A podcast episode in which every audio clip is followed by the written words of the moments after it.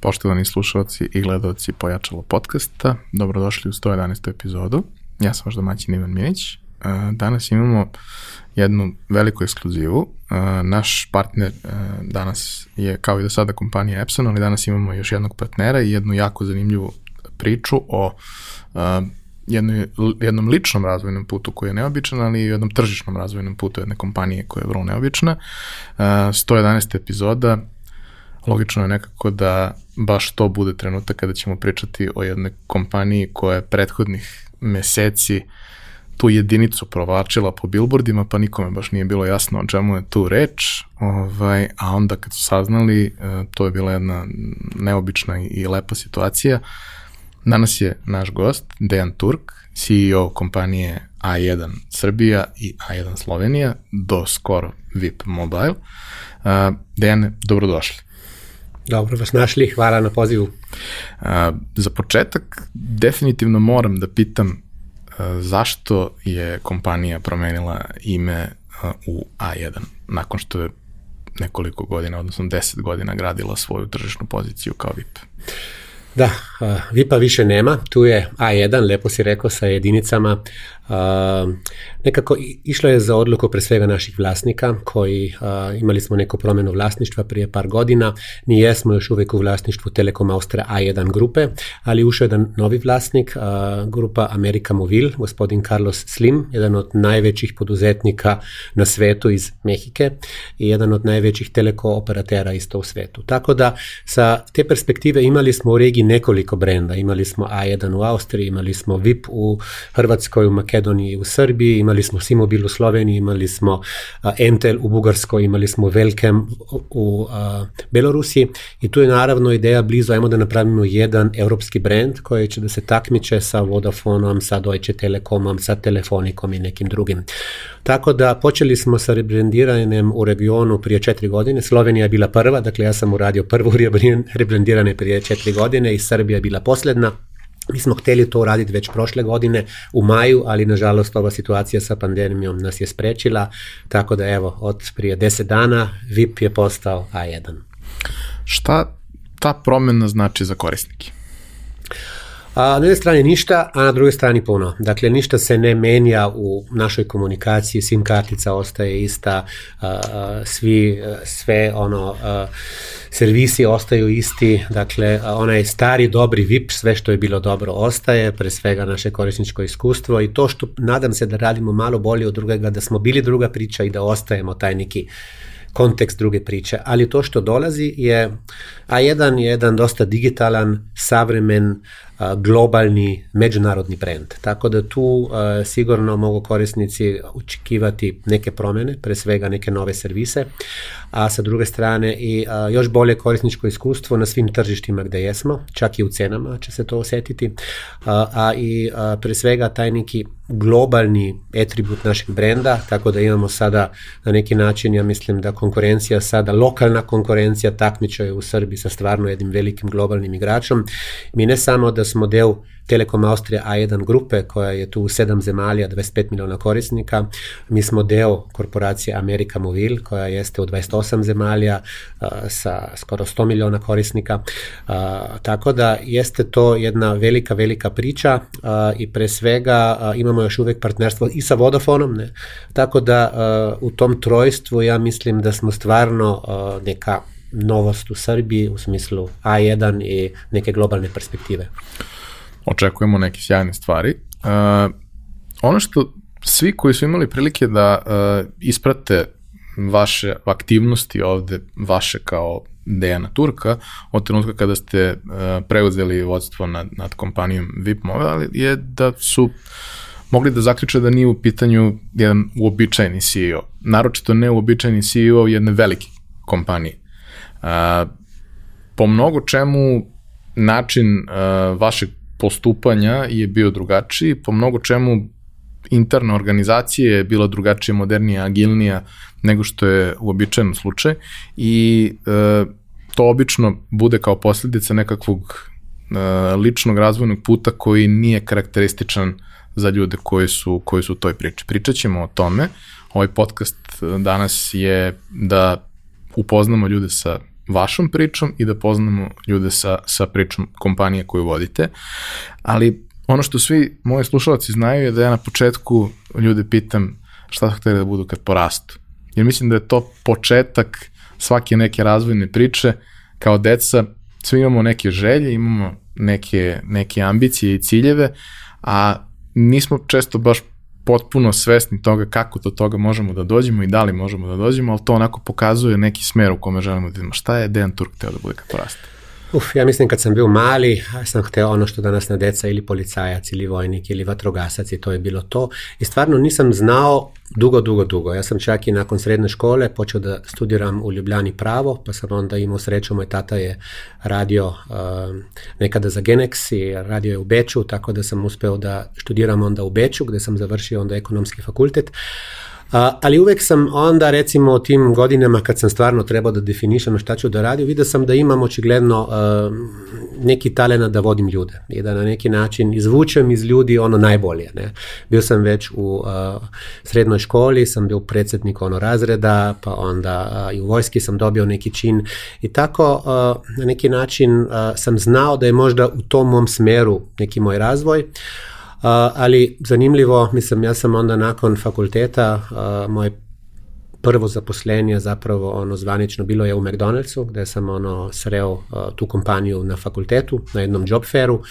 I počeo sam ono uh, sa diplomom u džepu, sa diplomom Bečkog fakulteta, stvarno u prvom restoranu na Čopovoj ulici u Ljubljani, tamo sam počeo čistiti WC, onda napredovao na pomfri, onda na burgere i na kraju vodio smenu i na kraju vodio ceo restoran. Dakle, bio sam neke skoro do dve godine u restoranu a, i to je jedno stvarno divno razdoblje mog života jer sam stvarno mogao da testiram kao mlad čovjek u jednom restoranu sve što sam učio na fakultetu, i marketing, i vodenje ljudi, i nabavu, i financije, i obračune, i PNL-ove i odmah si imao rezultate. Ti si menijao jedan translate, ne od Fish Maca na Big Mac i stavio ga malo levo i odmah je skočila prodaja ono Big Maca puta dva. I tako da sam tamo naučio i neke marketinške finese, ne, ono real life, a pre svega a, komunikaciju sa ljudima i kako je najbitnije u svakom poslu da ljude motiviraš, da ih poznaješ i da budeš stvarno ono, ne ono šef koji je tamo negde, nego šef koji je sa njima u prvim bojnim redovima i pomogne kad treba, ali i da ih motiviše da daju stvarno od sebe više nego od, od njih očekuješ.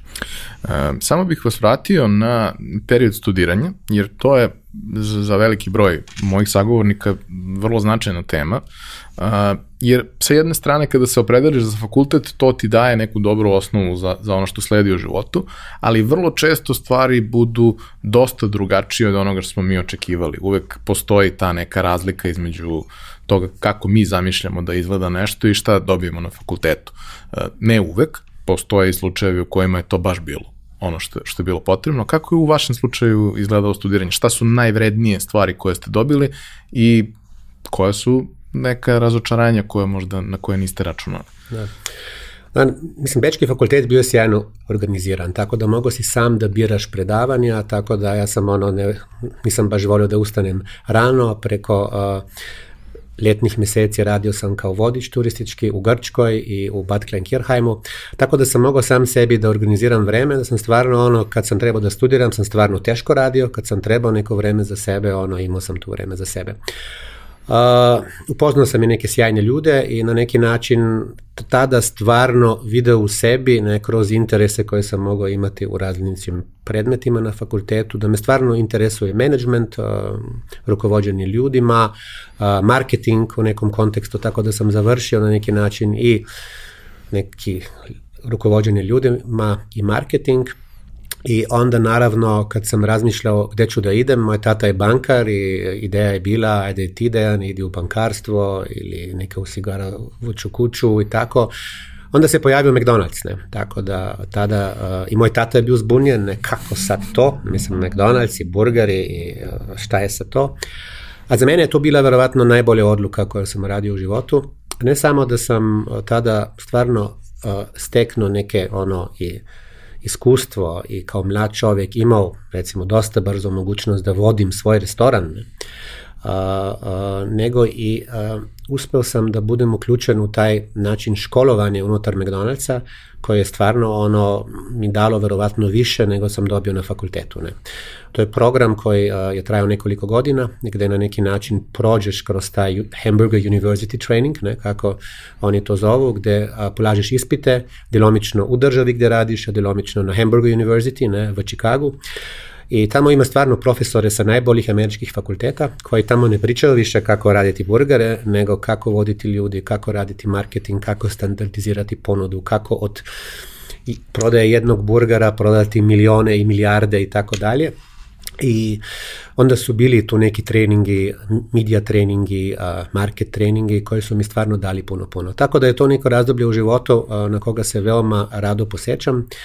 Uh, ja sam onda završio karijeru u McDonald'su uh, vodići dvije države, i Sloveniju i Hrvatsku, tako da radio sam nešto slično već tada, već tada što radim danas kad vodim ono Srbiju i Sloveniju. Uh, čak je bila prilika da bi možda došao u Srbiju tamo u 90-ima ili ne početkom 2000. godine kad su bile još tu malo tvrđa vremena, jer se tada na direktora McDonald'sa u Srbiji pucalo, na sreću nije bilo ništa ozbiljnije, ali tražili su zameno i nije to bilo vreme da dođem još u Srbiju, ali je došao sam par godina kasnije. Uh, mislim da je vrlo vredna stvar, drago mi je da, da, da o tome pričate na taj način, mislim da je vrlo vredna stvar za svaku mladu osobu uh, koja bilo da se opredelila za fakultet ili da je krenula nekakvim svojim razvojnim putem koji možda zaobilazi akademiju, da prođe kroz jedan tako uigran sistem kao što je McDonald's ili neka slična kompanija, korporacija koja je uspela da svoj model skalira i plasira na toliko različitih mesta i da učini da on funkcioniše na toliko tržišta i toliko pojedinačnih uh, mesta. Uh, vrednosti ko, koje prosto dobiješ u tom procesu su nešto što ne možeš ni na koji drugi način da stekneš u toj količini vremena. Uh, šta su uh, te neke da kažemo, specifičnosti koje, koje, sa kojima ste se sretali kroz McDonald's priču koje pamtite kao možda najvrednije pojedinačne stvari koje ste iz toga dobili? Da, mislim, ima toga puno, ali kao prvo, ono, neka, neki osjećaj za organizaciju samog sebe i, i drugih.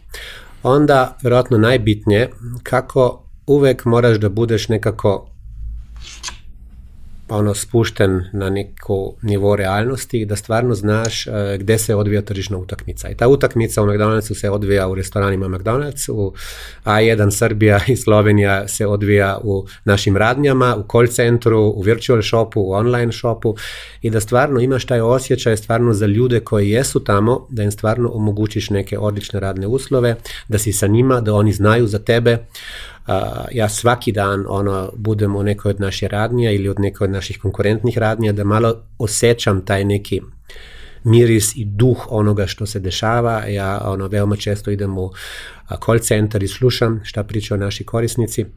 Tako da to mi je dao sigurno McDonald's, ne, gde na neki način a, sam bio i tada kao direktor skoro svakog dana u nekom od naših restorana. Uh, tako da uh, tu mislim da je i neka snaga mene kao lidera da stvarno ljudi znaju ko je Dejan Turk uh, i po imenu i po karakteru, ja njih znam, ono znam skoro svakog, ono da tako kažem od 1300 zaposlenih, ne po našim radnjama, po našim call centrima i tako dalje. A treća stvar je sigurno to da, da ti ovakva neki veliki, ozbiljan sistem ne, omogućava učenje, učenje na greškama, da radiš te greške ne, i da vidiš šta vredi uraditi, šta ne i kada onda imaš mogućnost da si na nekom rukovodećem položaju, sigurno si bogatiji sa bezbrojem iskustva koji te rade boljeg menedžera, boljeg čoveka i boljeg lidera. Kroz uh, taj program uh, interne edukacije koje postoje u McDonald's, kroz koje ste prošli kroz Hamburg University, uh, dobili ste mnogo nekih konkretnih znanja uh, i možemo da kažemo da vas je to podjednako kao i fakultet klasični koji ste završili oblakovalo kao, kao profesionalca. Pomenuli ste da deo toga se dešava u zemlji u kojoj ste, ali da deo toga i u centrali. Uh, šta su konkretno stvari kroz koje se tu prolazi? Dobro, to su tri tečaja Basic, Intermediate i Advanced Operation Course, ne, ono, Basic je više manje rukovođenje restoranom, Advanced je rukovođenje ljudima i uh, uh, medium rukovođenje ljudima i Advanced rukovođenjem biznisom, ne, kao širina. Tako da kad završiš taj neki uh, konačni Advanced Operation Course, ti imaš neku licencu, neki pečat McDonald'sa da možeš otvoriti svoj restoran, ne, ili kao franšizer ili kao menadžer. Ali onda, kad sam već ušao u management, naravno, taj sistem se nastavlja, tu su bili sjajni tečaj, recimo sećam se jednog tečaja koji su organizirali a, oni, novinari BBC-a, ne, gde su nas, kao sam bio tada već direktor, ne, a, nedelju dana stavili u neki gradić negde u Engleskoj i imali smo krizne situacije. Krizne situacije koje nadam se da se nikad ne, ne može desiti, ali imaš neku situaciju u nekom restoranu i neko umre ne, od neke bakterije ili bilo kako i kako onda reaguješ ne, i onda imaš kamere i simulacije ispred restorana i konferencije za štampu i situacija eskalira i svaki tvoj korak ne, uh, naučete kako da razmišljaš 2, 3, 4, 5 koraka dalje i da stvarno ono menedžiraš i državu i odnos sa novinarima u toj kriznoj situaciji u kojoj se nadaš da se nikad nećeš naći, ali, ali recimo jedno, jedan od bolih treninga koga sam doživeo i stvarno oni te onda naučili nauče, najprije padneš u vodu i propadneš i gotov si, ne, i onda te kroz neke sisteme nauče da se iz toga izvučeš i na kraju stvarno uradiš najbolje i za kompaniju i za bezbednost ono, ljudi i korisnika. Nakon McDonald'sa prošli ste kroz advertising, bili ste direktor u jednoj kompaniji koja se bavila advertisingom i nakon toga ste došli u uh, C-Mobile koji je u suštini deo iste grupacije, odnosno sada je A1 Slovenija. Uh, došli ste tamo u jedno mnogo drugačije vreme nego što je danas, prosto mobilna telefonija 2004. godine i danas su dve potpuno različite tehnološke ovaj, vertikale. Uh, šta, su, šta je bila vaša motivacija tada da dođete i šta su bile prve stvari sa kojima ste se sreli u, u, u tom kontaktu sa, sa novom kompanijom? Da. da, nakon McDonald'sa 10 godina sam tamo proveo, na neki način bilo je vreme da radim nešto novo u životu i uvek sam i voleo advertising, tako da sam otprilike godinu dana radio za ono najveću outdoor advertising agenciju u Sloveniji koja je bila u postupku prodaje, pa sam onda bio deo te prodaje, pa prodao kompaniju, pa onda, onda izašao iz kompanije i ušao u telekomunikacije, što je za mene ono bila jedna veoma seksi branša tada i nešto novo, tako da a, počeo sam se baviti tamo marketingom i prodajom, dakle kao a, direktor prodaje i marketingu. U Simobilu, što je bila, a, što je bio tada drugi a, po veličini operator u Sloveniji, a, što je bila austrijska investicija, koja nije bila baš uspešna na neki način. Uh, situacija je bila dosta teška, dosta je bila velika investicija, jer smo kupili tada mreže od Sveđana, Kupili smo dosta korisnika koji nisu postojali de facto, nego su bili samo na papiru. U knjigama se je svašta pronašlo i pre svega kultura organizacijska na koju stvarno ne može biti ponosna ni jedna kompanija. Dakle, ljudi su bili posvađani unutar menadžmenta, unutar rukovodstva, unutar firme, svako je vodio neki svoj deo firme ne, i nije bilo nikakvih sinergija. Tako da ja sam imao priliku tu da počnem rukovoditi jedan sektor, marketing i prodaju i počeo sam jednostavno raditi unutar tog mog sektora ono što sam naučio, pre svega u McDonald'su, što je bila neka velika inovacija tada da direktor ide do svojih radnji, da se raspita kako ide posao, da provede neki dan zajedno sa radnicima u radni, da sluša korisnike, da na neki način a, a, stavljamo cveće unutra, da ga zalivamo, da pokušamo raditi neko lepu atmosferu ne, i da radimo konkretno na procesima naše prodaje jer do tada na neki način se je prodao telefon i sim kartica, evo vam, šibaj, vidimo se, plati račun. Ne. Sve više je bilo servisa i, i a, mi smo tada počeli a, sa nekim sjajnim marketinškim kampanjama, ne, a, koje su se stvarno diferencirale od konkurencije i počeli da rastemo. Ne. I očigledno to je bilo viđeno, tako da sam imao priliku nakon samo godinu i po dana na toj poziciji da postajem član uprave za marketing i tržište i onda nakon pola godine direktor kompanije u Sloveniji, Simobila. I tad sam tamo krenuo u neku reorganizaciju, pokušao sam to što sam uvek radio u promenama koje sam trebao raditi, da nađem mlade ljude, ono koji možda nemaju još tog nekog a, rukovodskog iskustva, nego imaju ono jako motivacije, ono što ja zovem vatru u očima, da stvarno žele stvari ono preokrenuti na bolje. Tako da smo napravili novu ekipu, a, pokušali dati tada Simo bilo neko novo novu organizaciju, novi brand, neki novi marketing, novu ponudu i stvari su krenule na bolje, tako da unutar par godina postali smo jedna od najuspešnijih kompanija u Sloveniji, Uh, gde sam ja i dobio tada uh, neku nagradu na kojoj sam veoma ono, ponosan menadžer godine u Sloveniji, uh, jedan od najmlađih menadžera godine i kada u Sloveniji. Ali pre svega stvorili smo kompaniju koja ne samo je stvarno imala odlične poslovne rezultate, ne, izvukli smo kompaniju iz crvenih u duboko crve, crne brojke, uh, a, nego i radili smo a, na području marketinga, bili smo prepoznatljivi kao najbolje, na području CSR-ja, ono, očuvanje naše životne sredine a, i pre svega, što je meni najdražije u smislu, postali smo neka valuta i benchmark u a, radu sa ljudima. Ne? Tad se počelo i pričat leadership management, kako voditi ljude, kako na neki način od iste neke hirarhične organizacije ne preći u nešto drugo. Mi smo već dosta rano tada odvrgli kravate i to što je sada popularno, ja već ne nosim kravatu sigurno 10 godina, a, smo počeli onda stvarno da budemo u smislu leadershipa i organizacije kompanija koju su svi gledali. Ne? I bili smo izabrati za najboljeg poslodavca puno, puno godina za redom uh, i stvarno uradili neke stvari na koje sam stvarno ponosan tada. Ne? Tako da uh, okrenuli smo stvari na, na bolje i uh, nakon 7-8 godina provedenih u Simobilu uh, dobio sam tada priliku da dođem u Srbiju i da tada preuzmem kompaniju VIP da preuzmete i kompaniju VIP, pošto ste i ostali aktivni na, na poziciji CEO u Sloveniji. Možda nije bilo baš tako, ja sam došao u VIP i pustio sam Sloveniju, tako da bile su to veoma mm, emocionalne žurke i snimio sam čak i jedan film gde uh, gde ja uđem u taj Simobil i deca zaposlenih su bili taj dan zaposleni u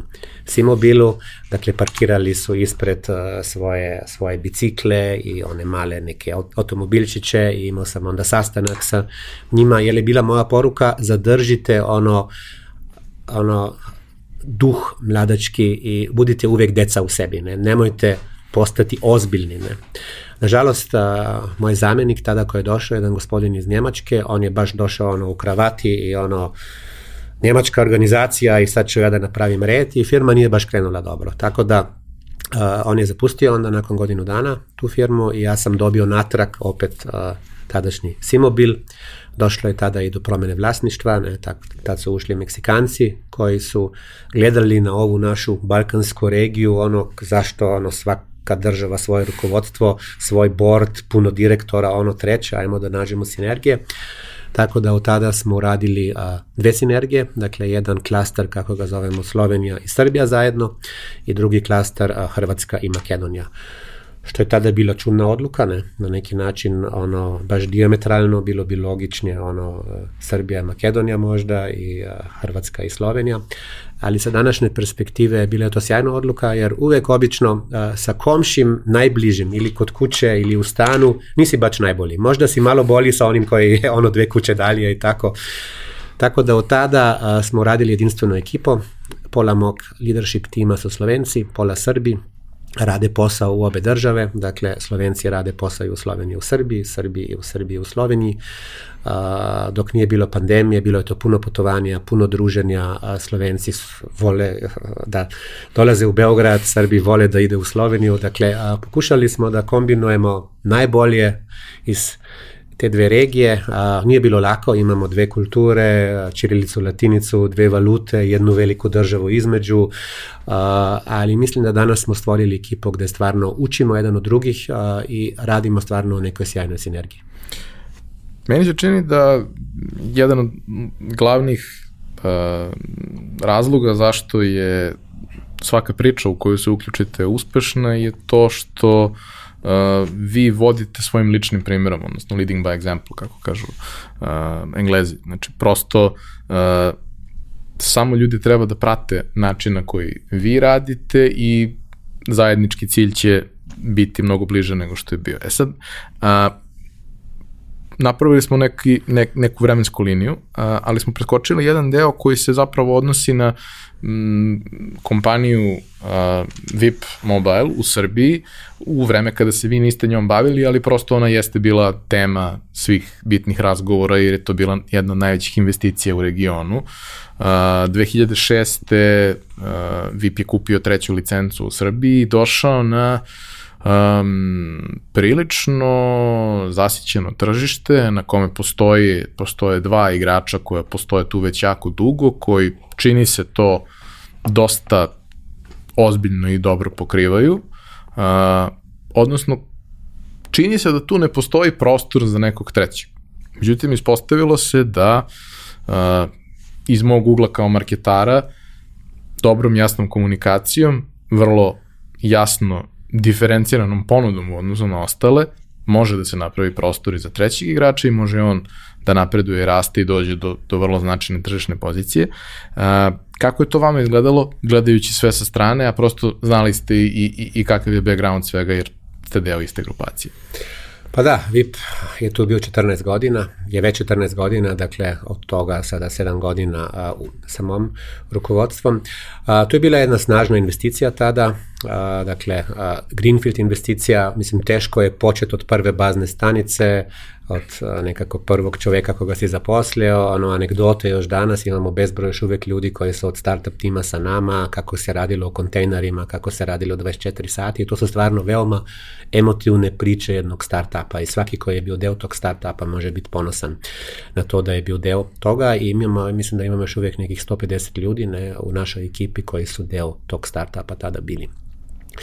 Naravno, uh, u Srbiji, što si dobro rekao, na neki način imali smo dva igrača, jedan državni koji imao i snažno državno ono, ono neformalno i formalno ono potporu, a drugi Uh, koji je stvarno odradio sjajan posao, ne, koji je bio u stranom vlasništvu i koji je stvarno imao taj neki know-how i tu neku drugačnost i taj neki neki pristup i kvalitet usluga, tako da nije bilo lako, ali na neki način VIP se uspeo tada kao treća sreća, ako se seća što je bio prvi slogan, onda smo postali druga priča, pozicionirati stvarno kao neki drugačiji igrač, ne? kako smo počeli, ono, naša službena kola od svih, i od direktora i od zaposlenih bili su miniji koji su da, preplavili da. Beograd i Srbiju, veoma neformalni odnosi, neka veoma opuštena atmosfera i to je veoma dobro krenulo.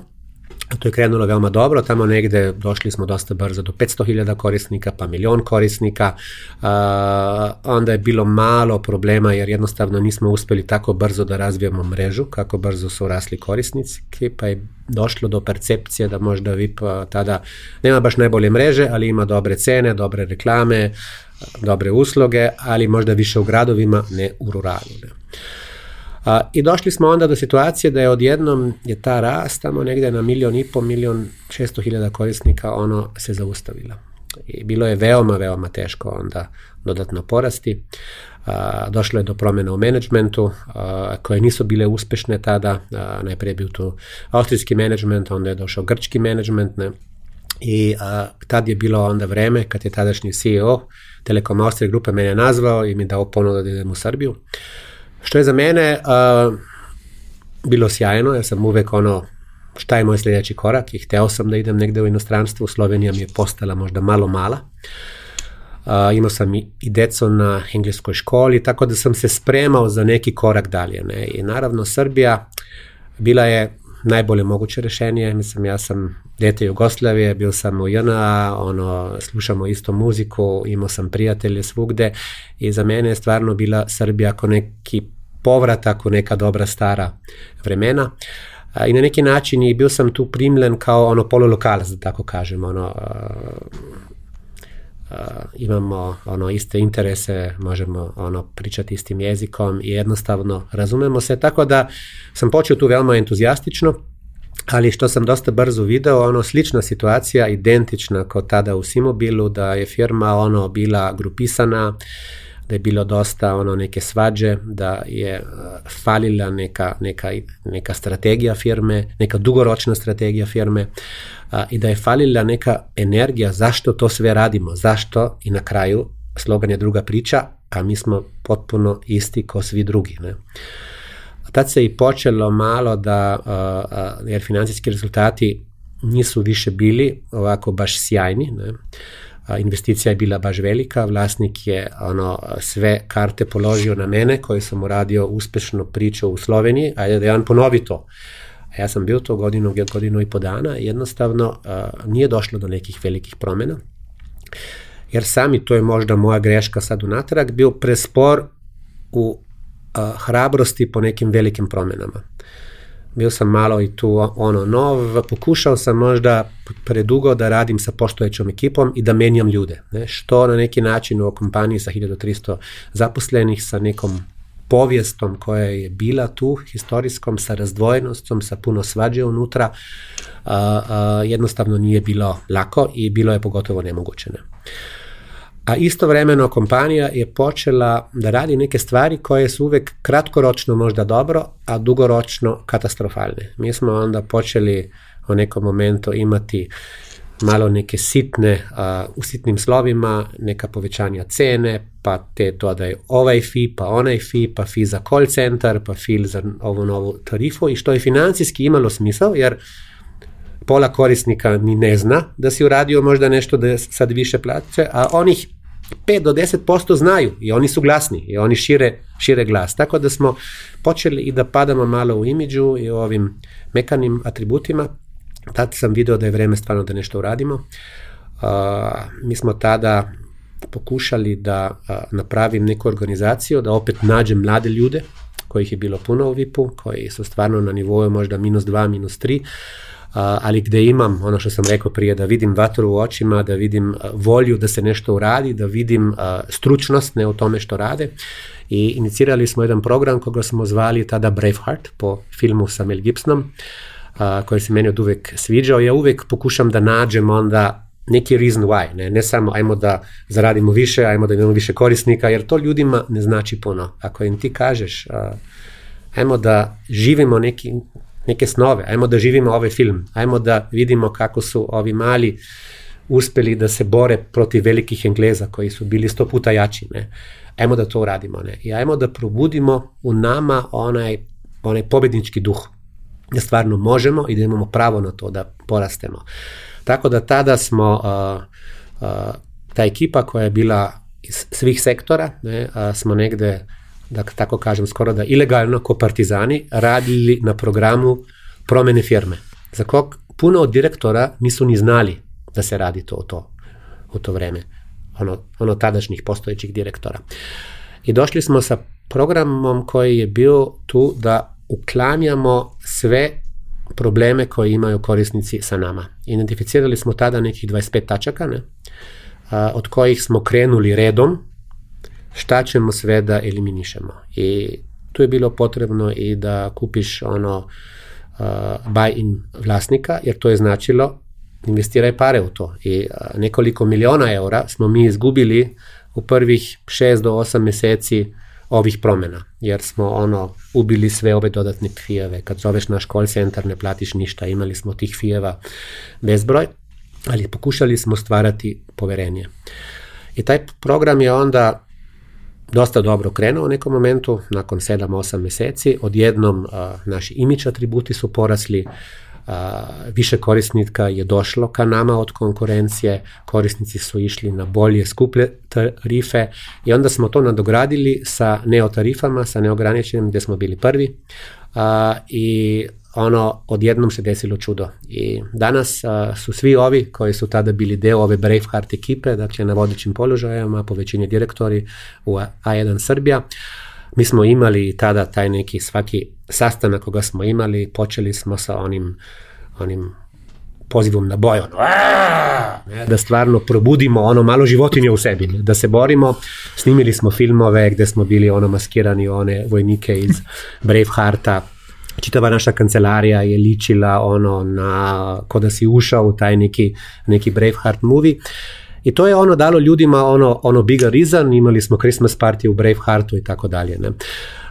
tako da od tada su se stvarno počele promene, od toga sad ima pet godina i mi smo ono porasli danas od 1,5 miliona korisnika, danas ih imamo 2,4 miliona korisnika, uh, financijske brojke su ok, imamo poverenje vlasnika, i na neki način sve se je dobro izašlo da imamo puno snage u leđa za promene na A1 Srbija, što je sad naš sljedeći korak.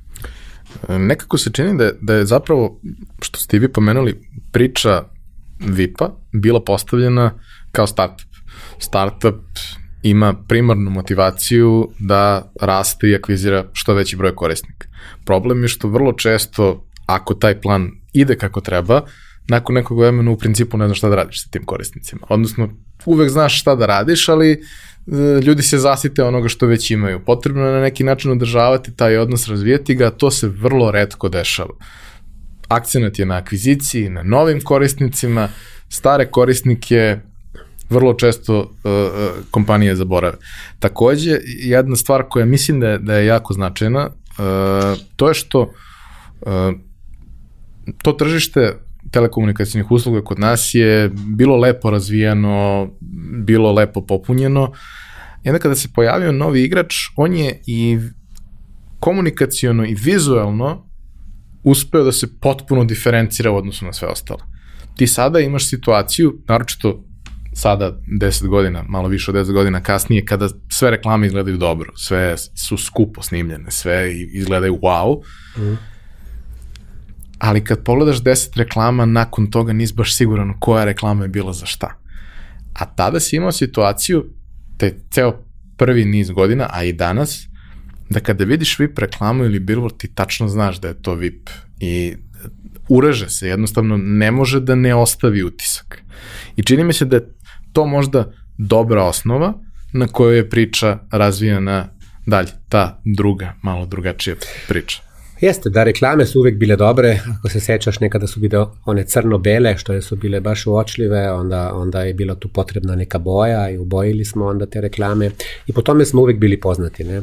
Nažalost, ta te odlične i lepe reklame nisu se uvek ono pretočile baš u ono odlično korisničko iskustvo. Ne? I to je to što je menjao taj program Braveheart, ne? To smo pokušali uraditi. Jedna od tačaka recimo je bilo da svaki korisnik i novi i stari ima pravo na istu ponudu, ne? tako da recimo sa, sa Braveheartom smo isto uveli i to. Uh, tako da Jeste, mislim, VIP je neka sjajna priča i sigurno uh, na nekom ekonomskom fakultetu može se napisati ono sjajan diplomski rad ili neku knjigu na tu priču uspeha.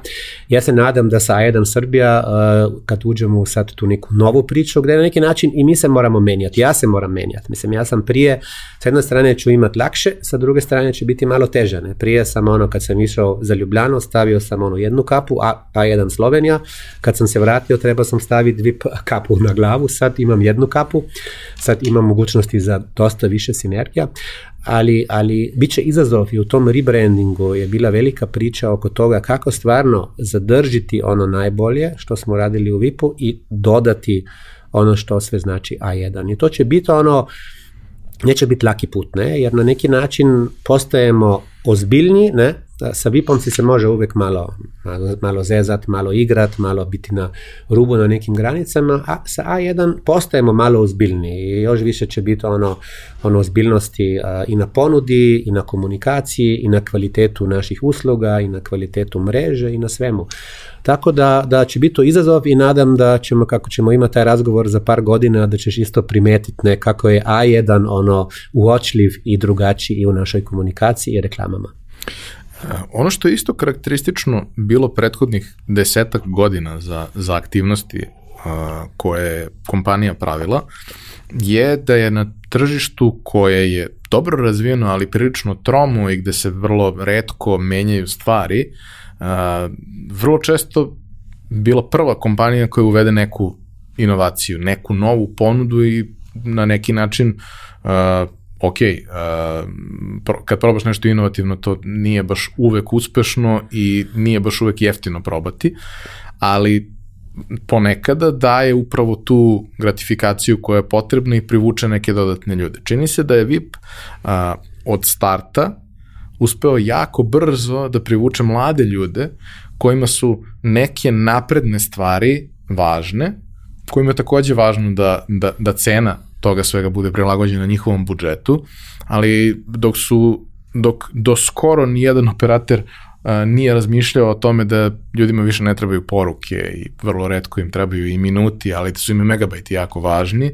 A, VIP je napravio celu priču sa, sa tarifama koje su potpuno prilagođene publici kojoj koja nosi pametni telefon i više ne razmišlja o tome koliko SMS-ova ima u paketu. A, kako je uopšte postaviti tu priču i kako je tu priču sprovesti na, na nivou a, jedne ipak velike kompanije? Ja mislim, ono, što primećuješ da jeste teško danas ono pogotovo voditi ono neko, neku konkurenčnu utakmicu negde svi prodajemo slične stvari, svi prodajemo neke minute, megabajte, telefone od Samsunga, od Apple-a, od LG-a, bilo kako i sve je onda kako je to zapakovano i ja uvek kažem da ima dva faktora iskustva. Jedno je touch screen, ne, ono što vidiš i imaš kroz telefona, drugo je touch skin, ono što ti treba, kad ti stvarno neko treba, taj telefon ti neće pomoći, pomoći će ti osoba koja će ti onda rešiti problem ili u call centru ili u našoj radni. Mi smo uvek pokušali izbegavati i nije uvek bilo lako ne, da ne pratimo konkurente, nego da konkurenca treba da prati nas. Ne. I to je uvek uh, teško sa ljudima ne, koji su možda ono, ono dođu sa neke branže koja je baš to radila, ne, da na neki način ako je konkurent ono smanjio cenu negde, ne trebaš ti odmah u onom momentu da radiš to. Ako je konkurent uradio to, ajde i da mi uradimo. Mislim, primer, neko je kupio banku i odmah drugi konkurent kupio banku ili napravio banku i tako i danas svi prodaju te banke. Ne? Tako da, da, da a, ne treba uvek uraditi ono što rade drugi, pokušaj ti da stavljaš neke trendove koji stvarno imaju smisao i da ti da budeš prvi i da ok, sa jednim okom pratiš šta radi konkurentaca, ali treba da imaš jasan plan gde ćeš da ideš i šta ćeš da radiš. I ako to imaš, ako imaš taj jasan plan, ne, i ne samo za jedan kvartal, ne samo za dva kvartala, za dve, tri godine, možda čak i pet godina napred. I to stalno adaptiraš i to se zove strategija. Ne? Neki način, ako to imaš jasno formulirano, da imaš ekipu koja to može brzo menjati, se brzo prilagoditi, ne, onda odjednom vidiš da drugi prate tebe. A, I kad to radiš, onda si market leader ne, i u nekim promenama i u tome mislim da smo bili dosta uspešni, jer nismo uradili uvek sve što bude potrebno i najnovije i najbrže i na neki način što rade drugi, nego da smo uvek radili ono što stvarno ima smisao za korisnika i za tržište, a, i da to onda kad to stavimo na tržište budemo taj neki market leader. A, pomenuli ste 25 bolnih tačaka koje ste otkrili u da kažemo odnosu korisnika prema a, kompaniji. A, koje su neke od stvari koje, koje danas pamtite da su tu bile, da, da su zahtevale uh, intervenciju? Prosto, kada je to nekoliko stvari, onda je verovatno to nešto veliko i krupno, a kad je 25, sigurno da ima nekih stvari koje su prosto više pitanje nepažnje nego, nego bilo šta drugo. Nepažnje ne. u smislu fokusa koji je skrenut na nešto, na nešto deseto i možda nedovoljnog razumevanja sobstvene publike. Da, jeste. Recimo, više manje polovina stvari je bilo sa nekim ono finančnim utjecajem, kao što rečeno, ono, skinuli smo call center, fi ako zoveš, nema onih 15 dinara, skinuli smo fi za uspostavu veze koji je bio tamo i još je bilo nekih 6-7 ove, ovih fijeva koje smo jednostavno skinuli i to nas je koštalo. Ne. A drugo što je bilo ono veoma bitno u našim procesima, ne, gde smo videli da korisnici jednostavno gube strpljenje. Gube strpljenje jer se ih vrti okolo i na neki način imaju osjećaj da ne reše problem, a nas to vrtenje korisnika košta, jer se neko mora baviti time, ne? na stotine mailova, poziva, dopisa i tako dalje, ne? Tako da smo, i to je bio verovatno naj, najbitnija i najveća promena, da stvarno pogledamo sve na, naše procese interakcije i da stvarno izvučemo sve ove probleme koje smo ponekada sakrivali, ono, neki problem bio sa korisnikom, ajde da, da direktor ne sazna, ajmo da to rešimo ovako, ne, i, i da stvarno a, sve te procese ono redefiniramo i to se je desilo samo ovako da smo opunomoćili ljude na prodajnim mestima. Da jednostavno smo uspeli da na neki način autoriteto i mogućnost odluke ono gurnemo dole, prema ono prodajnim mestima da danas ono zaposlenik naš ili a, shop manager ili čak i u call centru ima ovlaštenja koja prije nije imao. Uvek je morao da pitati jedan menadžera i drugog menadžera i tako dalje. Tako da smo time ono rešili stvarno dosta i ubrzali sve to i za nas se onda desilo ono što je najlepše da se ne baviš više onoliko puno problemima koje imaju korisnici, nego dodatnom prodajom, ne, nekom cross and upsellu, ne, da postojećim zadovoljnim korisnikom možda možeš prodati nešto više. A, kako izgleda raditi istovremeno na dva prilično zahtevna tržišta? Ok, jesu ona geografski blizu, nije to toliko strašno, osim kad je korona, pa smo svi fizički prilično limitirani kad je kretanje u pitanju, ali ko, kako izgleda raditi vrlo zahtevan i najodgovorniji posao u kompaniji na dva potpuno različite tržišta. Da, mislim kad nije bilo ovog virusa, ja sam bio ono dva dana u Sloveniji, pa tri dana u Srbiji, tu mi je i familija u Srbiji, tako da za vikende sam isto bio tu. Sad ide možda jednomesečno za par dana u Sloveniju, tako da to se sigurno menjalo. U Sloveniji um, je firma konvergentna, što znači da imamo i fiksnu i mobilnu, tako da je malo drugačija situacija na tržištu, ne? A, malo je jača konkurencija tamo, tamo imamo mala država, 2 miliona, četiri mobilna operatera, a, još nekoliko ono infrastruktura virtualnih, ne, tu u Srbiji ipak tu nas ima tri jaka mobilna operatera i onda jedan ili dva virtualna još. A, tako da a, razvoj tržišta naravno u Sloveniji je malo jači, u Sloveniji pogotovo nema tarife ispod 50 GB, čak i 100 GB, 120 GB, ne, jer ljudi jednostavno dosta više upotrebljavaju sve te digitalne servise. A, tu u Srbiji smo za sada, a, mi imamo ove neogranične, a tu smo negde na 20 i to će polako da se menja prema gore u gigabajtima i ti trendovi su jasni, ti trendovi dolaze ali uh, jedna bitna razlika jeste sigurno to u smislu rada sa ljudima, ne? Uh, tu Slovenci jesu malo ono, or, organizirani i puno više u PowerPointima i puno više maštaju oko nekih problema. U Srbiji mi je veoma drago da ekipe tu uh, uspeo isti problem možda rešiti u kraće vreme, uh, sa manje para, ne? sa više improvizacije i uh, uh, sa možda čak i boljim rezultatom. Ne? Tako da to, to na neki način sigurno je malo vezano za povijest Srbije, kako su ljudi se morali snaći, ali ta sinergija sada, naravno ono da samo improvizujemo i da samo nešto ono lako ćemo, ne, uh, po srpsku nije najbolja strategija uvijek, ali kombinacija sada onoga što naučimo u Sloveniji, da ipak ima mala neka njemačka or, organiziranost ne, i struktura i to što se može sve, a, ta kombinacija mislim da nas pravi uspešni, gde učimo jedan od drugih. A, tako da ima tu razlike, a, ali i nema razlika. Ono što ste pomenuli, a što ja iz neke potpuno desete priče, naime, mi smo se upoznali pre nekih šest godina na konferenciji koju organizuje jedan od mojih najboljih prijatelja i čovek sa kojim me vrlo često mešaju, pošto smo obojica ćelavi i bradati i okrugli. Ja sam sad nešto malo manje okrugao, ali dobro. Ove, na konferenciji VV Vršac, a, koja se održavala u, u, u Vršcu, a, jedan od keynote-ova, odnosno mislim da je to bilo uh, završno predavanje drugog dana konferencije koja traje tri dana. Uh, bilo je najavljeno da ćete vi biti pričati vaš keynote. I svi su očekivali da će to biti nešto što je vezano za kompaniju iz koje dolazite, jer zaista stvari koje mogu da se podele vezano za, za kažemo, rezultate na tržištu u tom trenutku jesu relevantni i interesantni. I onda ste vi izašli i bukvalno ste nas sve razoružali potpuno i oduševili pričom o tome kako se ja ću to reći na svoj način, vi objasnite posle kako, kako vi to doživljavate, ali kako se razvija preduzetnički mindset i odgovornost u porodici, jer je priča zapravo bila o tome uh, kako je uh, vaša čerka, koja je u tom trenutku imala nekih 6-7 godina, ovaj, krenula u svoje prve preduzetničke poduhvate, orako bilo je vrlo lepo ilustrovano fotkama i ispričano kroz, kroz neke primere. O čemu je reč?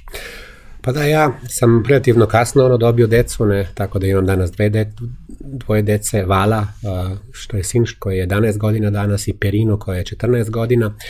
A, mi smo a, na neki način mislim da su deca kad su došla su uradila i boljeg menadžera i čoveka od mene, jer onda na neki način još više imaš empatija, još više ti oni pomognu da je njihova svrha, ako to dobro kapiraš, ne, da su došla na svet da od tebe urade boljeg čoveka. I meni je u stvari i karijera i sve krenula stvarno, ono, stvarno nekim još jačim putem kad sam imao decu i kad sam bio aktivni tata. Ne. Aktivni tata što znači da ideš na posao, ali se trudim stvarno da sam kod kuće svako veće skoro, ne, da ih dam na spavanje, da sam im ono, pročitao bajku, da sam bio ono, uveče na neki način prihvatljiv. Ali ta poduzetnička priča, ja pokušam također kao što treba da razvijam svoje ljude na poslu, ne, a treba da razvijam decu ne, i da na neki način im otvorim neke horizonte budućnosti i pre svega poduzetništvo sigurno je jedan od njih. I to se desilo ovako impulzivno, mi smo voljeli da idemo a, dosta godina a, na, na Visu Komižu i tamo smo rentirali jednu kućicu odmah pored mora i bili tamo dve, tri nedelje.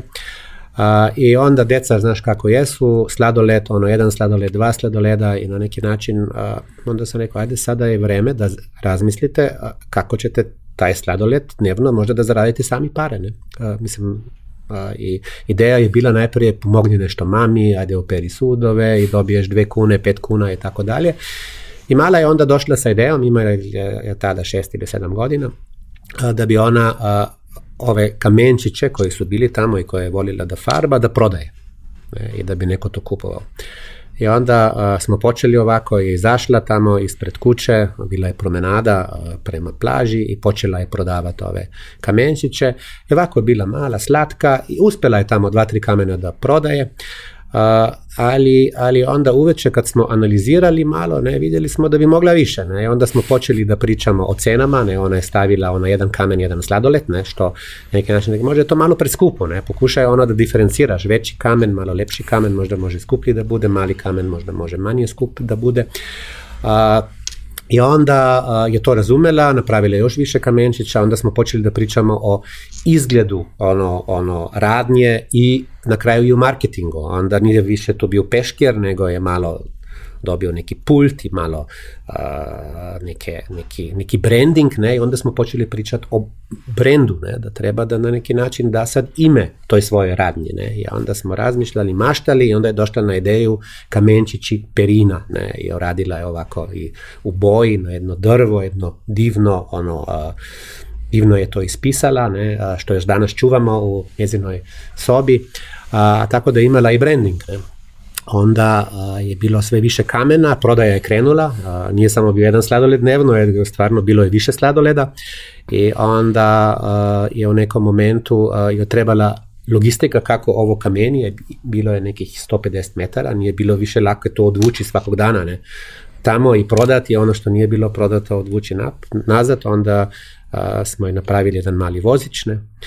Onda je počela razmišljati kada stvarno krene prodaje. Vidjela je da, da, da ujutro, ne, kad ljudi, ona je bila tamo ujutro, ne, a ne posle podne, ne, onda je razumela da ljudi kad idu na plažu, neću sad da kupu kamenje i da vuču kamenje na plažu, ne, nego kad se vraćaju sa plaže, onda je pravo vreme. Ne, onda je i naučila kada je pravo vreme da prodaješ. A onda se još naučila delegiranje, pitala me, ok, šta ću sada, moram da piškim, ne, šta ću sad sada, ne, evo ti brat, koji je imao tada četiri ili pet godina, ne, tako da je onda, onda zadužila brata, ne, ne, naučila delegiranje, ne, onda je to vidjela kako je to dobro, ne, onda je sela tamo, jela sladoled i brat je prodavao, ne, i dobio onda i on neki sladoledić, ne. A, tako da sve je bilo to super i mislim da je imala stvarno krasnu lekciju u životu. jedno što je nisam rekao tada, kad je na kraju uveće brojila one pare i stvarno bilo je to 50-60 kuna, ne, što jeste skoro, skoro 10 eura. da bi sada u pravom životu došla država i nekako skoro pola uzela. Ne to neka nauči ona kada bude poduzetnica, ali za mene ono, ono lepa priča i mislim da je njoj otvorilo neki horizont da možda jednog dana ako se odluči da je ona bude poduzetnica. Svakako je jako dobra osnova i mislim da bi bilo super da, da više dece prođe kroz neku takvu priču, bilo kroz, kroz školu, bilo kroz tako neko lično porodično ovaj, iskustvo. A, važna tema koju ne možemo i ne treba da preskočimo uh, je da je pre malo više od godinu dana, pre nekih 14 uh, meseci, krenula pandemija. Do trenutka početka niko nije očekivao da tako nešto može da se desi i niko nije mogao da zamisli da će to da bude u ovim okvirima i sa ovakvim posledicama kakve, kakve ona ima. Sa jedne strane, to je podrazumevalo potpunu reorganizaciju života za sve nas i posla, naravno, kao, kao deo toga. Sa jedne druge strane, komunikacija kroz sve ostale kanale osim fizičkog kontakta je postala neuporedivo važnija nego što je bila do tog trenutka. Mnogi od nas nisu ni sanjali da će moći da rade od kuće stalno posao koji rade, nije to bilo ni u, u ponudi ni, ni u opcija, ispostavilo se da zapravo može. Meni lično najviše znači što smo shvatili da ne moraju baš svi sastanci da se održe uživo, da mogu neki da budu i kolovi, a neki da mogu da budu i mailovi, ovaj, ali mnogo toga se promenilo baš mnogo toga, baš svakome od nas se promenilo. Šta se promenilo Dejanu Turku i šta se promenilo kompaniji? Da, ono, veoma zanimljivo ono razdobje, prosli 14 meseci. Ako pogledam natrag, naravno bili su tu ono ups i downs, ne. mi kad je to krenulo i naravno imali smo sreću da radimo o telekomunikacijama i rad od kuće i sve to već prije smo to na neki način radili. Tako da za taj, tu neku promenu, dakle imali smo infrastrukturu, uh, ok, naš IT je trebao raditi dan i noć, su svi dobili laptopove, mi smo unutar samo par dana čitov call center, dakle više od 130 ljudi preselili ono na kućne adrese, im osigurali infrastrukturu, im osigurali uređaje i na taj način smo uspjeli ono normalno da nastavljamo rad. Uh, bili su tu veoma veliki izazovi u našoj infrastrukturi u smislu kapaciteta. Ne? Zanimljivo, ne toliko na prenosu date, ne, što bi čovjek očekivao, nego onaj stari klasični voice gdje se ljudi zovu, koji je bio, mislim, danas malo ljudi ono klasičan voice ne, upotrebljava, upotrebljavaju ono online ili Viber ili Whatsapp ili bilo šta. Ljudi su odjednom nakon ovih, ovih velikih novinarskih konferencij predsjednika počeli da se zovu. Ne? I tu su nam pucali ono kapacitete, tako da smo trebali da nadgradimo pre svega voice kapacitete, ali i nadgradili smo naravno data kapacitete, tako da porasla nam je sve. A, I tu, tu stvarno velika čestitka ekipi da smo uspeli u tim nekim pogotovo prve dve, tri nedelje ne, su bile veoma teške ne, i tu smo radili danu noćno da smo stvarno unutar grupe i unutar a, naše organizacije osigurali da ljudi mogu da komuniciraju. Ne. Onda je naravno tu bio moment uh, za mene lično, uh, gde sam ono, kao što sam rekao, svaki dan sam bio u nekom, uh, nekom shopu, bio u call centru, prošetao kroz firmu, ono, razgovarao sa ljudima, pio kafu sa ljudima, pio kafu sa korisnicima, odjednom toga više nije bilo. Ne? I kako u tom online digitalnom nekom okruženju uh, zadržati motivaciju i na neki način dati ljudima sigurnost tu sam dosta jasno i brzo izašao ne, i na neki način imamo samo sada dva prioriteta. Ne. Jedan je bezbednost naših ljudi i drugo je brzina naših odluka i toga što radimo da budemo brži od virusa. Uvek sam rekao prije da treba da budemo brži i bolji od konkurencije. Sad smo trebali da budemo brži i bolji od samog a, virusa. Tako da smo, mislim da jedno i drugo dobro uradili, bili smo među prvima koji smo stvarno imali dosta zaštitne oprema, koje smo podigli, one zaštitne ono, ono štitove u našim šopovima, a, koje smo bili u dnevnoj komunikaciji sa našim ljudima a, i sećam se recimo, pokušali smo isto objasniti organizaciji celoj da smo svi u tome isti. Meni nije ništa drugačije kao, kao direktor nego a, neki, neki agent u call centru, ne? da na neki način smo svi u ovome imali smo za vreme lockdowna, sećam se recimo video pozive sa celom kompanijom gde a, smo pokušali članovi leadership tima, ne, dakle vodeći ljudi da nas uhvate kod kuće u tome što radimo. Ne, a, neko je kuvao kafu, neko je kuvao ručak, a, ja sam peglao, pošto stvarno radim i to ponekada. A, I u tom momentu da stvarno ljudi vide, ok, oni su u istom stresu ko mi, i na neki način skušali im dati neku nadu, neko poverenje, sve će biti u redu, tu smo jedan za drugog, ali budimo i tu za naše korisnike. Tako da to je jedno iskustvo koje je radilo sjajno, moram reći sve teže i teže je, na sreću a, za razliku od Slovenije gde na neki način je bio lockdown od skoro da šest meseci, ne, u Srbiji je bilo uvek na neki način mogućnosti, naši šopovi bili su, bili skoro non stop otvoreni osim u shopping centrima, a, ja sam a, a, bio dakle u Srbiji i bio u poseti ljudima, mi smo imali, barem jedno mesečno smo se videli fizički ne, unutar leadership tima i pokušali, tako da, da, da je to prošlo dosta dobro, danas se nadam da ćemo se što brže vratiti, mi smo vratili za sada oko 20% ljudi, vidim da a, više ljudi bi htelo da dođe, tako mi nikome ne branimo, ali naravno imamo sve te stroge moguće mere a, koje a, poštujemo i da budemo stvarno bezbedni. Jedna od stvari koju, koju uh, ste uveli, koja je meni bila jako simpatična kad sam čuo za to, uh, su narukvice. Šta narukvica znači? Da kad smo vraćali ljude, uh, ono došlo je do toga da jednostavno to što se i verovatno tebi dešava, nekoga upoznaš i ne znaš njegov nivo straha kojeg ima, ne, straha ispred tebe, straha pred virusom, ne, a, i pokušali smo onda to kad se ljudi vide, i pogotovo u Srbiji, vole ljudi neki fizički kontakt, ne, da ljudi sami određuju, ok, da nose neku zelenu narokvicu, ok mi je, mogu se rukovat, mogu se iz, izagrlit, ne plašim se, onda a, žuta nar, narokvica, ono, ok sam, ali nemojmo previše da se diramo i crvena, ono, ok sam, ali daj drži, molim te, distancu, ne. Tako da to je pomoglo, tako da a, po market researchu imali smo ono tri odelenja, ne, ove zelene bile su odmah prazne, tako da mi je bilo drago videti ne, da imamo neki level confidence u firmi. Tako da to je bio samo jedan od tih a, projekata, ono kako smo se pobrinuli za ljude. Mislim, danas gledajući unatrag, a, mislim da smo dobro prošli kroz tu pandemiju na neki način i osigurali pre svega zdravlje naših zaposlenih. Neverovatno je koliko jedna tako mala stvar napravi veliku razliku za, za osobu koja je u strahu. Strah je jedan od, od najjačih motivatora i ako si konstantno u strahu bez ikakve potrebe i ako ti se konstantno dešavaju stvari koje ti ne prijaju i ne želiš da se dešavaju, a to možeš da rešiš jednim tako jednostavnim alatom, da bilo bi sjajno da, da, da ljudi to koriste. I to je ideja, mislim uvek ako imaš, ta ideja nije moja, ne, a, ali to je ideja koja je došla od ljudi. Ne? Ako imaš ti u firmi atmosferu gde ljudima stalo, gde ljudi stvarno ono vide šta mogu uraditi da možemo jedan sa drugim bolje i tako, onda se ono dešavaju i takve ideje. Ne? A, I onda je samo na meni kad neko dođe sa takvom idejom, ja sam prvi koji odmah dižem ruku, dam pare, ajmo to što brže da uradimo.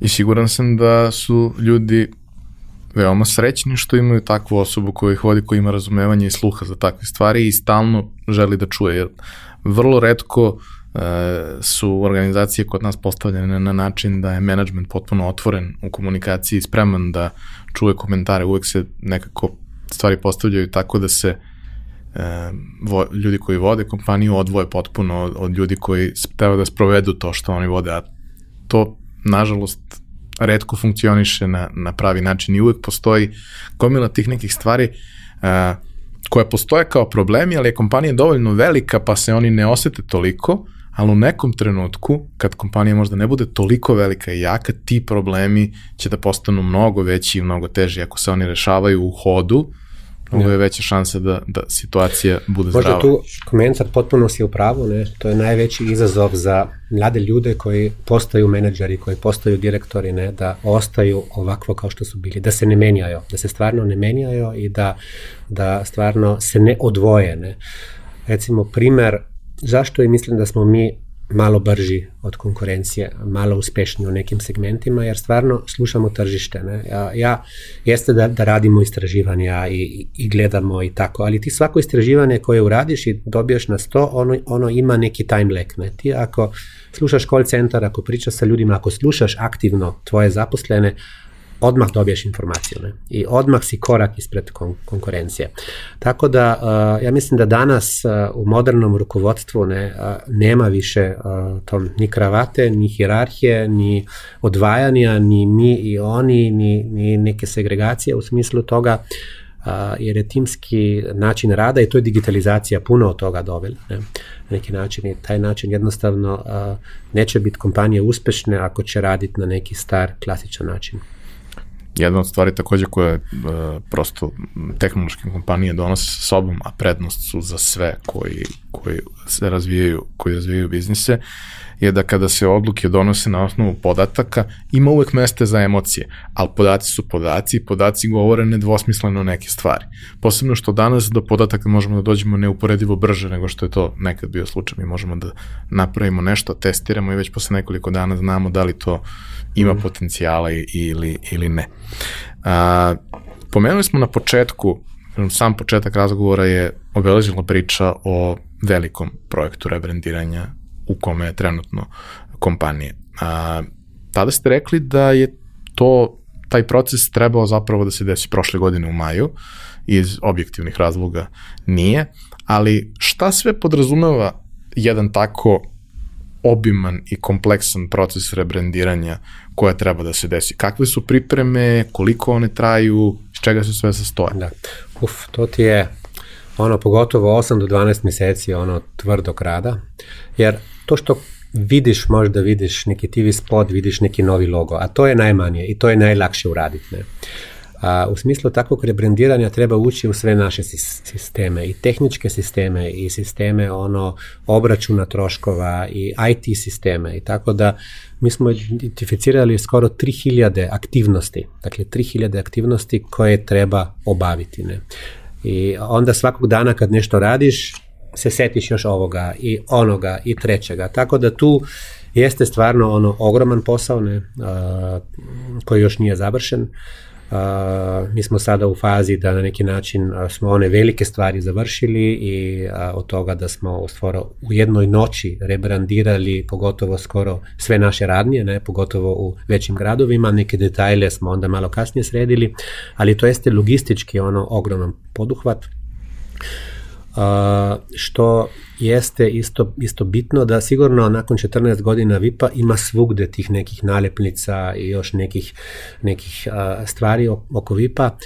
A, mi imamo sad neku aplikaciju smo razvili, ne, a svi zaposleni ju, ju imaju ili će dobiti, ne, putem koje kad god vide neki logo VIP-a ili na trafiki ili negde u nekoj radnji, da mogu da slikaju, geotegiraju i dolazi naša ekipa čistača ne, koji onda to odstrane ili stave A, A1 logo.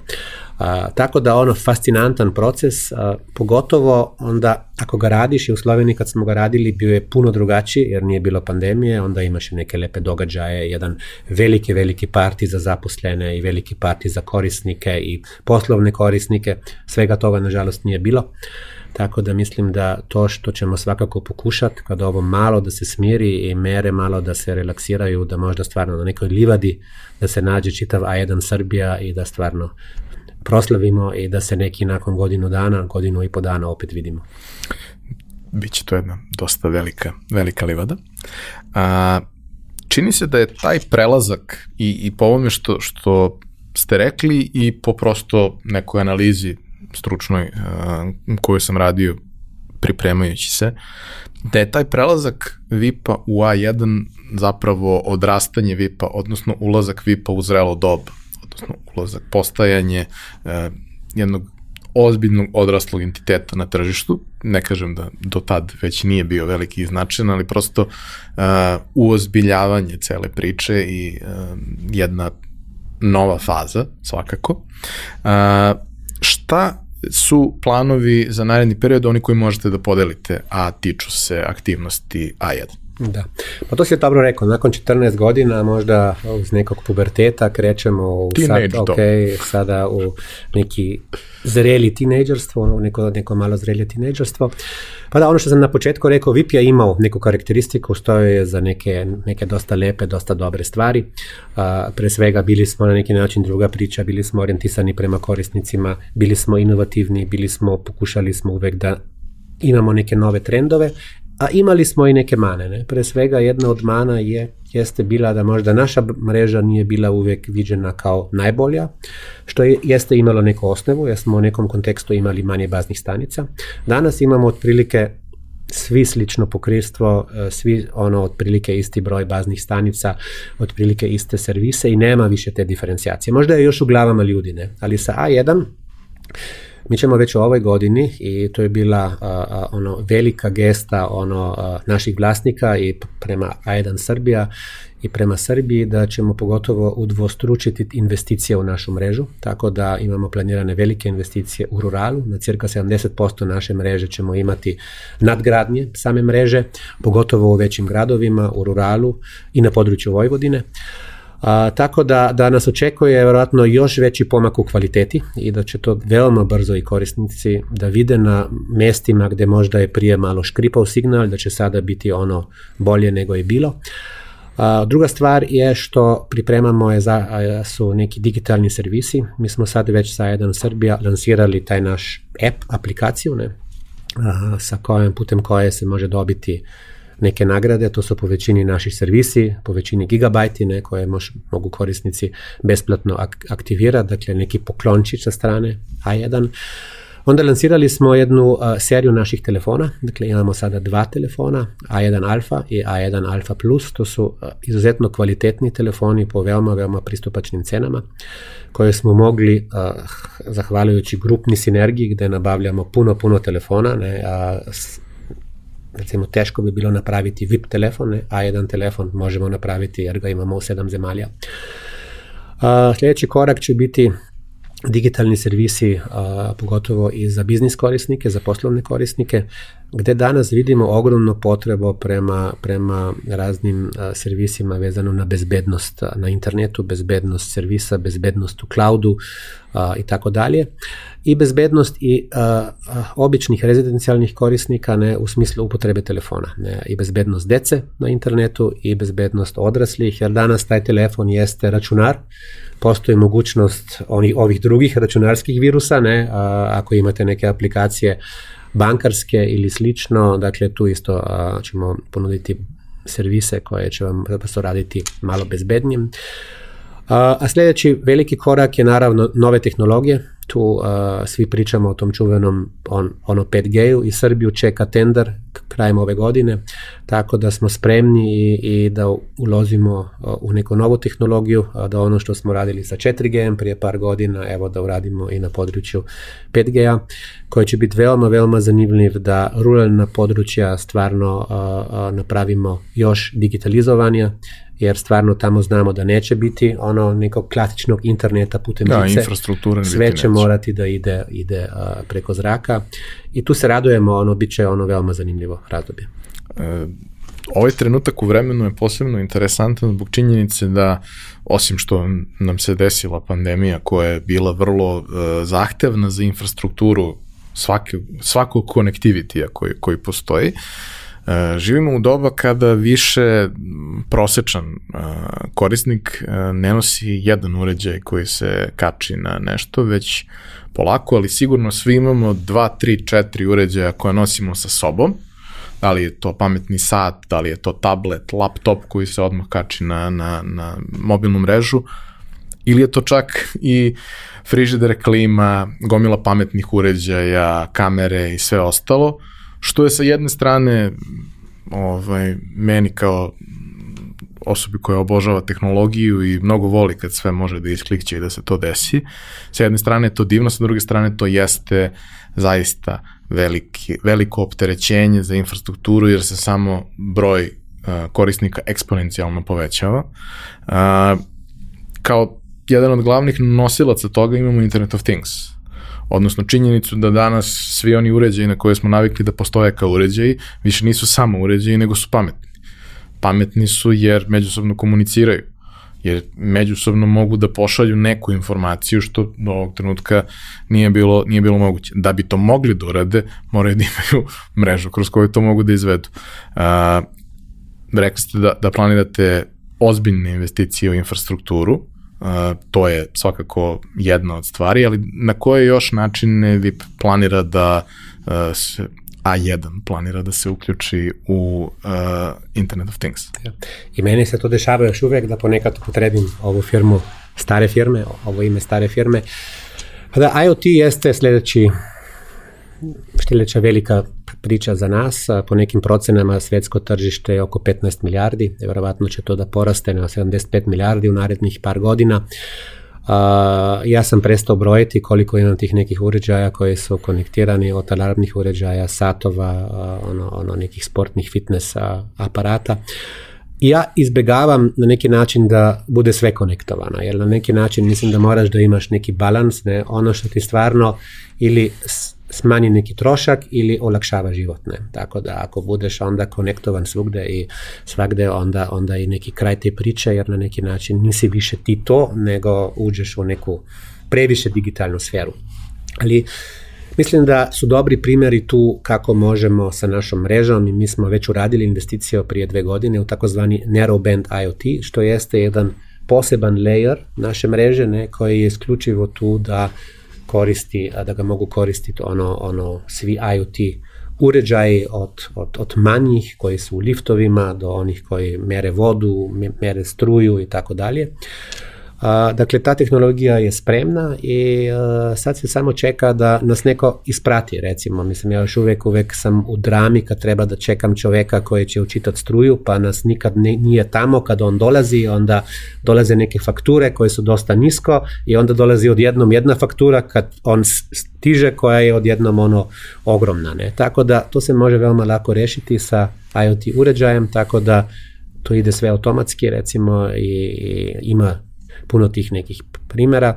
Onda smo, recimo, robotizacija ne, koja je sljedeći veliki korak nekako bi trebala privreda koja nešto proizvodi da na neki način robotizuje svoje, svoje procese ne, i to će sve na neki način biti konektovano. Tako da mi smo spremni, dakle imamo, imamo bezbroj nekih, nekih i servisa i a, možemo sa korisnicima, pre svega poslovnim, da nađemo neka unapređena rješenja. Sa A1 a, imamo je to mogućnost pristup našoj firmi koja je u Beču, A1 Digital, koja se bavi isključito tim rješenjima za privredu ne, i nekim advanced rješenjima i na području IoT-a. Tako da tu smo tek na početku, ja sam siguran da, da, da u našim prihodima će biti taj neki ICT, IoT, Internet of Things deo ono sve veći i veći. Naravno sa servisima koje će stvarno imati smisao da na neki način ili imaju neki finančni impact da nam je jeftinija situacija ili da nam olakša život ali tu treba balansirati. Mislim, ja lično vidim, ako opet uzmem primjer dece, ne, a, kako su oni konektovani i kako je naš posao roditelja da ih malo diskonektovamo i da ih malo stavimo u neki realan život. Ne. Recimo, ja, moja djeca imaju ograničenja kod kuće upotrebe tih nekih uređaja svojih na tri sata dnevno, onda im radi samo još voice ili neke aplikacije koje trebaju za školu, ne, ne radi više TikTok, ne radi više sve ono, ono, ono drugo, da imaju mogućnost da budu deca. A, imamo recimo preko subote i nedelje imamo takozvani digitalni sabat gdje svi stavljamo ono naše uređaje u jednu kutiju na stolu i ne diramo. Ja ponekad uveče onda pogledam da li mi neko slao neku važnu poslovnu poruku, ali toga se stvarno držimo. I na taj način onda barem subote i nedelje nisu ovako digitalizovane kao što je ostatak nedelje. Jedno od prvih stvari koje su urađene ovaj, pod novim brendom, da su bile vidljive korisnicima, je uh, I1 Talks koji su se desili uh, pre desetak dana uh, i uh, moram da kažem, to lična je priča, ali pošto je ovo moj podcast i ljudi su navikli da ja pričam svoje priče i anegdote, uh, jedan od gostiju uh, koji su se obratili bio Brian Solis. Brian Solis je pre pet godina bio na konferenciji Spark u Crnoj Gori koju organizuju moji prijatelji pošto se to desilo na moj rođendan 28. maja, on mi je pevao čestitku za rođendan Sabine i dobio sam snimak toga. To je onako bilo jedno, ne, jedno neverovatno iskustvo i oduševio sam se kada sam vidio da je i on učestvovao u, u, u celoj priči. Šta je bila ideja sa tim i kako je izgledalo? Mm. Pa sa A1 brandom, A1 Srbija pokušali smo isto uh, pre svega na području poslovnih korisnika da donesemo nešto novo. I ideja je bila da napravimo jednu seriju događaja koje smo nazvali A1 Talk. Ideja je bila da bi taj događaj bio sa stvarnom publikom ili barem hibridni online i ono face to face. A, nakon toga što smo se odlučili onda da nećemo raditi ono, ono face to face, da budemo odgovorni a, i nismo ni mogli ne, oko, oko mera, a, događaj je bio u potpunosti online.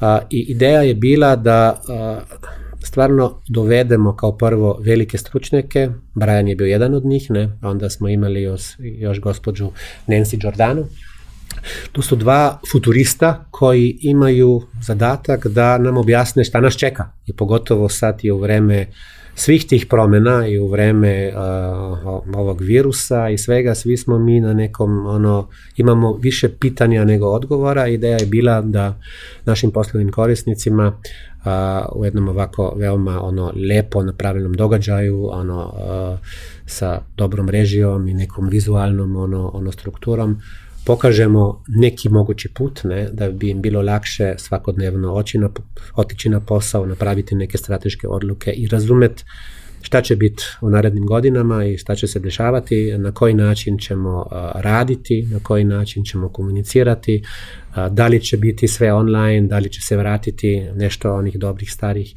vremena.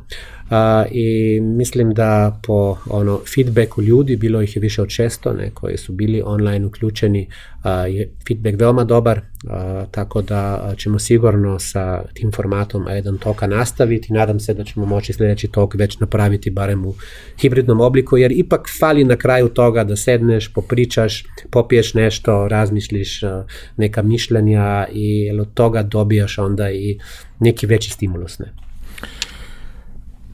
Pošto je to jedno od, od posljednjih tema koju treba da obradimo, a mislim da je sjajan uvod u neki zaključak koji, koji bih voleo da imamo ovog razgovora, šta Dejan Turk vidi u budućnosti tržišta telekomunikacija, ali i generalno tržišta proizvoda i usluga, tržišta Srbije kao zemlje koje je i dalje u razvoju i uh, koju je vrlo jako pogodilo sve ovo što se dešavalo.